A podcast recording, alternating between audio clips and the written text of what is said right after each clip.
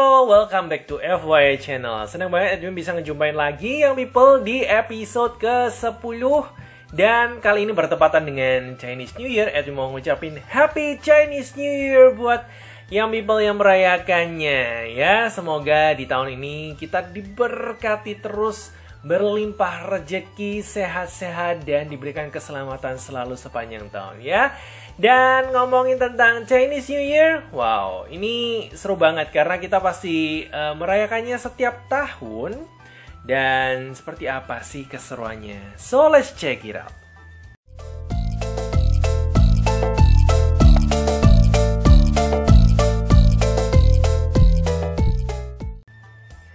Jadi yang people ini Edwin merefer ke Wikipedia ya. Jadi tahun baru Imlek biasanya dimulai pada hari pertama bulan pertama di penanggalan Tionghoa dan berakhir pada tanggal ke-15 pada saat bulan purnama dan dirayakan yang namanya Cap Gome. Wah, pasti ini tunggu-tunggu ya. Biasanya kita makan lontong Cap Gome. Nah, biasanya perayaan Imlek ini sangat beragam. Seperti makan malam pada malam tahun baru, serta penyulutan kembang api. Tahun baru Imlek juga dianggap sebagai hari libur besar untuk orang Tionghoa. Nah, tahun ini pas tanggal 25 Januari 2020 ya, kita memasuki tahun tikus. Nah, ternyata di penanggalan Tionghoa itu ada daur 12 tahun. Masing-masing dengan sio hewan dan ada daur 10 tahun batang surgawi. Wih, pernah denger nggak sih yang people batang surgawi ini apaan ya? Jadi, setiap surgawi ini dikaitkan dengan salah satu dari lima elemen perbintangan Tionghoa, yaitu ada kayu, api, tanah, logam, dan air. Nah, unsur-unsur tersebut diputar setiap dua tahun sekali, sementara perkaitan yin dan yang ini silih berganti setiap tahun. Jadi unsurnya dibedakan menjadi kayu yang, kayu yin, api yang, api yin, dan seterusnya. Nah, hal ini menghasilkan sebuah daur gabungan yang berulang setiap 60 tahun. yang people uh, sempat kepikiran nggak ya ini kira-kira kalau hitung-hitungan gini kayak kita mengulang ke pelajaran matematika pas SD nggak sih? Yang itu loh, apa sih namanya? Uh, uh, ini nih nih. KPK KPK bener ya KPK ya? Kelipatan persekutuan terkecil. Hmm biasanya kalau kita bahas KPK itu kan pasti ada ini nih. Apa namanya? FPB ya? Uh, apa tuh? Faktor persekutuan terbesar ya. Kalau Edwin sih aduh udah lupa ya pelajarannya. Mungkin kalau mau ingat-ingat lagi ya di browsing lah. Kalau hitung-hitungan gini kan biasanya gitu ya mana sih bilangan yang paling sering muncul atau apa? Nah itu saya lupa sih. Nanti kita bahas ya di kok dibahas? Di browsing aja masing-masing. Nah untuk tahun uh, show tadi ya ini contohnya tahun tikus api itu terjadi pada tahun 1936 dan akan berulang 60 tahun kemudian yaitu pada tahun 1996. Ya itulah hitung-hitungannya ya. Buat kapan sih uh, show ini berulang lagi? Tapi kan kalau 12 tahun kita kan hitungnya cuma 12 tahun gitu ya show-nya aja. Ternyata ada gandengannya nih uh, unsur-unsurnya kayak tadi tuh. Jadi setiap 60 tahun baru ketemu lagi show dengan elemen yang sama. Nah, kalau misalnya udah masuk di uh, perayaan Imlek tentunya kita akan saling memberikan ucapan, ya kan? Ucapannya itu kebanyakan pasti bilangnya kongsi facai, ya. Ini memang yang umum sih bahasa Mandarinnya memang gongsi facai. Tapi uh, ada beberapa ungkapan dari bahasa lainnya. Bahasa apa ya? Kalau bisa kita bilang uh, Indonesia di Indonesia itu kan ada bahasa Indonesia, ada bahasa daerah ya, ada bahasa Jawa, bahasa Batak dan lain sebagainya hampir sama. Jadi uh, di China pun ada bahasa Kantonis. Ya, kalau Kantonis itu nyebutnya Kong Hei Fat Choi. Nah, kalau bahasa Hokkien itu Kyong Hi Huat Chai. Kalau bahasa Hakka itu Kyonghee Fat Choi. Nah, jadi sekarang udah mulai paham kan ya yang people ternyata sebutan-sebutan ini mewakili ya bahasa daerah yang ada di sana. Tapi mungkin kebanyakan dari kita juga uh, sering ini ya, apa namanya, nge-mixing. Saking kreatif, kreativitasnya tinggi gitu ya, kita mixing-mixing kata-katanya. Mungkin ada yang bilang gini nih, Kong Kong Si Fat Choi, ada ya kan ya? Ya kan? Kyong Hee Fat Choi, oh memang ada kalau Kyong Hee Fat Choi memang ada bahasa AK. Cuma paling sering sih Edwin nemuin itu yang Kong Si tapi Fat Choi belakangnya. Jadi agak-agak nggak sebenarnya nggak salah sih ya artinya sama. Cuman karena mixing-mixing tadi gitu ya sekarang kita jadi nggak ngerti gitu loh. Sekarang kita tahu kan kalau misalnya bahasa Mandarin adalah Kong Si Fat Choi, kalau Kantonisnya Kung Hei Fat Choi, kalau Hokkiennya Kyong Hee Hwa Chai, kalau Hakanya adalah Kyong Hee Fat Choi. Nah, kalau udah tahu ungkapannya, sekarang Edwin mau bahas uh, ini nih sejarahnya. Kalau sejarahnya uh, Imlek di Indonesia seperti apa sih? Jadi di Indonesia selama tahun 1968 sampai 1999 itu perayaan tahun baru Imlek dilarang dirayakan di depan umum. Sesuai dengan instruksi presiden saat itu ya, Presiden Soeharto.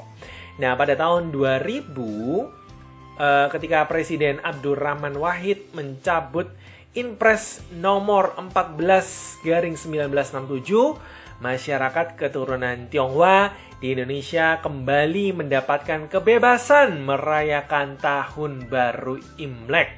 Wah, seneng ya. Dan kemudian Presiden Abdurrahman Wahid menindaklanjutinya dengan mengeluarkan keputusan Presiden nomor 19 garing 2001 tertanggal 9 April 2001 yang meresmikan Imlek sebagai hari libur fakultatif. Nah, maksudnya fakultatif ini hanya berlaku bagi mereka yang merayakannya gitu ya. Lumayan deh. Jadi 2001 tuh mulai ada perubahan gitu ya.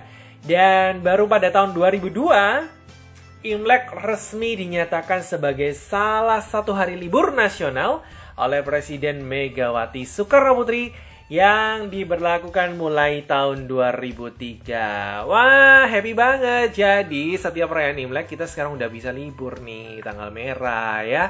Jadi sudah termasuk hari libur nasional.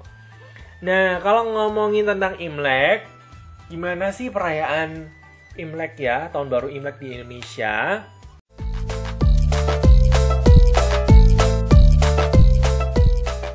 Jadi satu hari sebelum hari raya Imlek, ini bagi warga Indonesia keturunan Tionghoa adalah suatu keharusan untuk melaksanakan pemujaan kepada leluhur. Seperti dalam upacara kematian, memelihara meja abu, bersembayang e, leluhur seperti yang dilakukan pada hari Qingbing. Qingbing ini adalah hari khusus untuk berziarah dan membersihkan kuburan leluhur. Sepertinya e, bagi teman-teman yang selain uh, Tionghoa pun juga merayakan ya, maksudnya untuk uh, membersihkan dan ber berziarah ke kuburan leluhur. Uh, tentunya di timing-timingnya sendiri-sendiri ada waktunya. Dan tujuannya adalah sebagai bentuk penghormatan dan tanda balas budi. Dan dalam sembahyang itu juga dilakukan persembahan jamuan makan untuk arwah para leluhur agar kegembiraan dan kebahagiaan saat menyambut Hari Raya Imlek yang dilakukan di alam manusia oleh keturunannya juga dapat serta dinikmati oleh para leluhur di alam lain. Nah, selain jamuan makan, juga dilakukan persembahan bakaran uh, jinchi. Jinchi. Ya, itu mandarinya ya, nggak tahu salah sebut atau gimana, nggak nggak paham dan nggak pintar dalam berbahasa Mandarin soalnya. Atau kalau bahasa Hokkien adalah kimchua atau bahasa Indonesia-nya kertas emas dan biasanya juga di uh, apa ya dilakukan bakaran juga kesenian kertas yang lain seperti pakaian, rumah-rumahan, mobil-mobilan, perlengkapan sehari-hari dan juga pembantu. Nah, itu sih keunikannya ya. Nah, makna dari persembahan bakaran tersebut adalah agar arwah para leluhur tidak menderita kekurangan serta sebagai bekal untuk mencukupi kebutuhannya di alam lain. Nah, pada malam tanggal 8 menjelang tanggal 9 pada saat Cusi, itu jam uh, 11 malam ya sampai satu dini hari, itu umat melakukan sembahyang King Dikong. Nah, sembahyang King Dikong adalah sembahyang Tuhan Yang Maha Esa. Dan dilakukan di depan pintu rumah menghadap langit lepas dengan menggunakan altar yang terbuat dari meja tinggi beserta lengkap dengan sesaji yang sudah disiapkan. Nah, pada hari uh, Cap Gomeh tanggal 15 Imlek saat bulan purnama, umat melakukan sembahyang penutupan tahun baru pada saat antara Shensi yaitu jam 3 sore sampai jam 5 sore dan Cusi jam 11 malam sampai 1 dini hari. Nah, sembahyang pada Tuhan adalah wajib dilakukan tidak saja pada hari-hari besar, namun setiap hari, pagi dan malam, tanggal 1 dan 15 Imlek dan hari-hari lainnya. Jadi mungkin uh, teman-teman yang menganut Konghucu gitu ya atau yang masih menjalankan tradisi sembahyang ini memang tanggal 1 dan 15 China itu selalu kita uh, bersembahyang ya ke dewa. Nah, itu kalau misalnya 15 tanggal 15 uh, eh, Imlek itu pasti ditutup dengan perayaan Cap Gome ya, apalagi kalau misalnya kalau di Indonesia yang paling kental itu di mana sih kotanya yang merayakan uh, apa namanya tradisi Tionghoanya yang masih kental?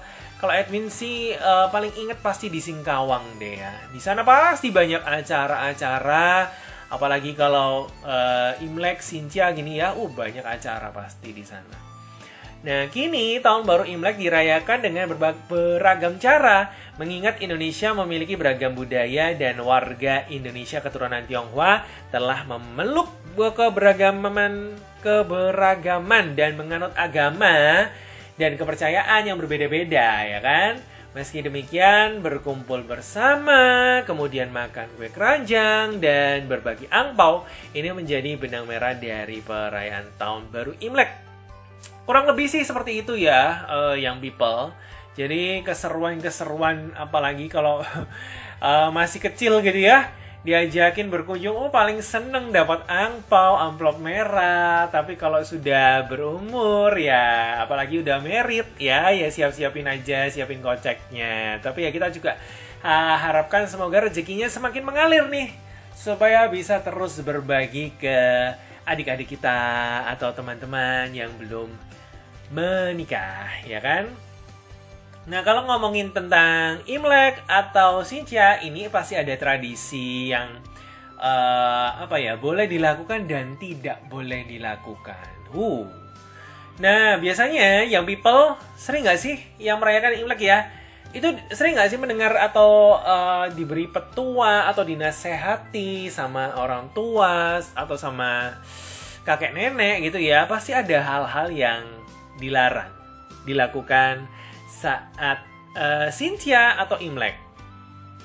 Nah, dilansir dari timesindonesia.co.id, larangan yang sebaiknya tidak dilakukan pada saat perayaan Imlek. Ini adalah yang pertama, cuci baju. Jadi orang Tionghoa tidak boleh mencuci baju pada hari pertama dan hari kedua Imlek karena merupakan hari kelahiran dewa air. Selain itu, mencuci baju dianggap menghilangkan keberuntungan yang sudah didapat di tahun sebelumnya. Hmm. Dan yang kedua adalah keramas. Dalam bahasa Mandarin, rambut itu disebut fa, yang serupa pada kata fa chai, menjadi makmur artinya ya. Jadi keramas itu dianggap dapat menghilangkan kemakmuran atau keberuntungan yang didapat pada awal tahun baru. Wow, terus keramasnya kapan? Berarti sebelumnya aja, ya kan? Kemudian yang ketiga adalah menggunakan benda tajam seperti gunting dan pisau. Ini bisa dengan mudah menyebabkan luka atau kecelakaan yang tidak diinginkan kan ya, yang people. Nah, kecelakaan yang tidak diinginkan ini dianggap pertanda ketidakberuntungan akan terjadi sepanjang tahun. Uh, siap-siap deh kalau ngeliat pisau gunting ini ya. Dijauhkan saja. jangan dipegang-pegang gitu ya kecuali motong kue ya kan karena uh, pasti perayaan banyak kue juga kan ya cake-cake dipotong nggak apa-apa tapi hati-hati ya yang people kemudian yang keempat adalah Membersihkan rumah seperti menyapu contohnya. Ini merupakan pantangan saat perayaan Imlek karena dipercaya bisa mengusir rezeki tahun itu. Yang kelima adalah pakai baju hitam atau putih. Nah, karena warna hitam putih itu dianggap menunjukkan perasaan berduka. Jadi, saat perayaan Imlek, orang Tionghoa akan mengenakan pakaian berwarna cerah seperti atau khususnya biasanya ya warna merah karena dianggap membawa keberuntungan. Yang keenam adalah minum obat ini juga nggak diperbolehkan. Jadi uh, di hari pertama Imlek itu jangan minum obat karena ini jadi pertanda akan sakit sepanjang tahun sehingga tabu untuk dilakukan. Yang ketujuh adalah makan bubur, ya, karena bubur ini diasosiasikan dengan makanan orang miskin sehingga kalau memakannya dipercaya bisa membawa pengaruh buruk pada keuangan. Ya udahlah ya, nggak makan bubur. Makanannya enak-enak kok ya pas pas Imlek ini. Uh. Hmm. Dan yang kedelapan adalah uh, menangis. Menangis pada malam tahun baru itu bisa membawa efek buruk karena diyakini menimbulkan kesialan dan akan membuat orang yang menangis akan sering menangis di sepanjang tahun. Udah deh, happy-happy aja gitu ya selama Imlek. Jangan pikirannya sedih yang yang happy-happy aja yang menyenangkan seru-seruan sama keluarga ya kan. Kemudian yang kesembilan adalah berkata kasar dan berkisah tentang hantu. Hmm, serem ya.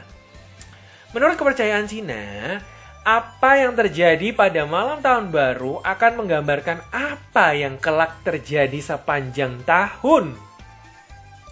Kata-kata kasar atau kotor itu bermakna buruk dan kesialan, sedangkan kisah hantu dikaitkan dengan kematian.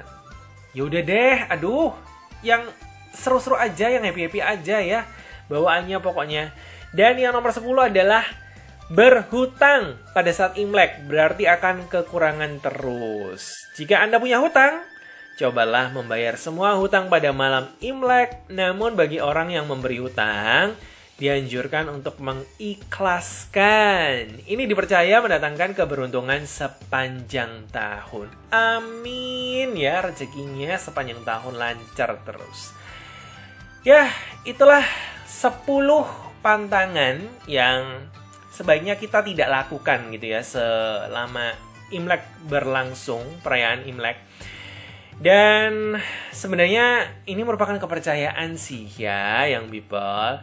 Seperti kalau Edwin ini kalau bilang kepercayaan, keyakinan gitu ya, Edwin jadi ingat uh, yang disampaikan atau quotes dari Mahatma Gandhi. Nah, beliau, beliau bilang gini nih. Manusia sering kali menjadi seperti apa yang ia yakini.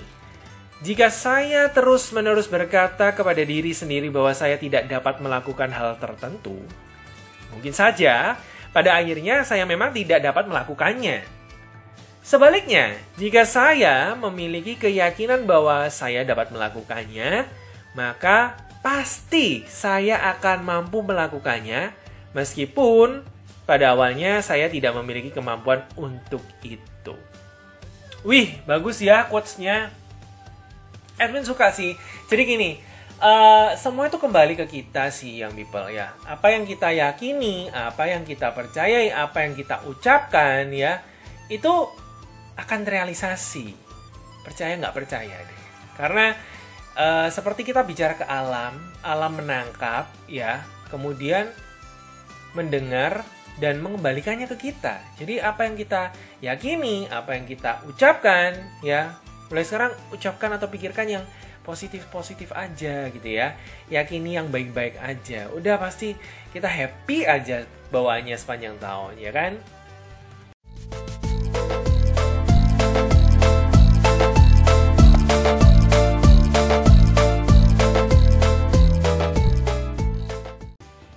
Nah, nggak kerasa kita udah sampai di penghujung podcast kali ini. Once again, Happy Chinese New Year! Young people, semoga kita semua semakin mendapat kesehatan, keselamatan, dan juga rejeki yang melimpah sepanjang tahun ini. Sukses menyertai kita semua. Edmo Yudi sign off. Thank you for listening. God bless you. See you when I see you. And bye.